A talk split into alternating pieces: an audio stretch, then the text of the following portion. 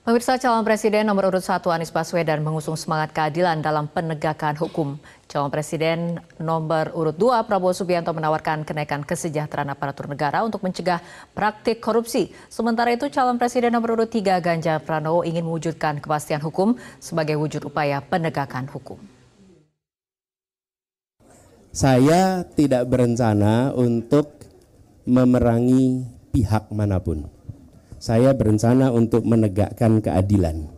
Saya berencana untuk menghadirkan keadilan.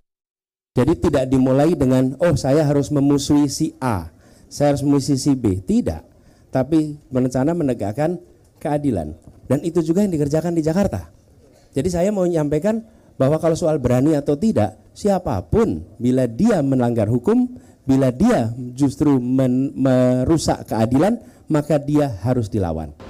Kita punya kekayaan luar biasa. Kita harus menghilangkan korupsi, kebocoran, dan kita akan mampu melaksanakan itu. Kekayaan kita cukup, kita harus manage dengan baik, kita harus perbaiki, gaji-gaji kita harus naikkan supaya tidak korupsi.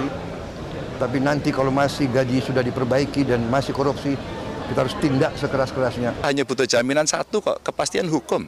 Kepastian hukum itu di dalamnya ada value nilai bahwa pemerintahnya bersih, pemerintahnya tidak korup, aparat penegak hukumnya apa namanya adil dan dia merasa pasti. Maka dalam konteks seperti itu kalau bisa berjalan mereka firm betul untuk bisa masuk. Tugas kami adalah Jelajahi cara baru mendapatkan informasi. Download Metro TV Extend sekarang.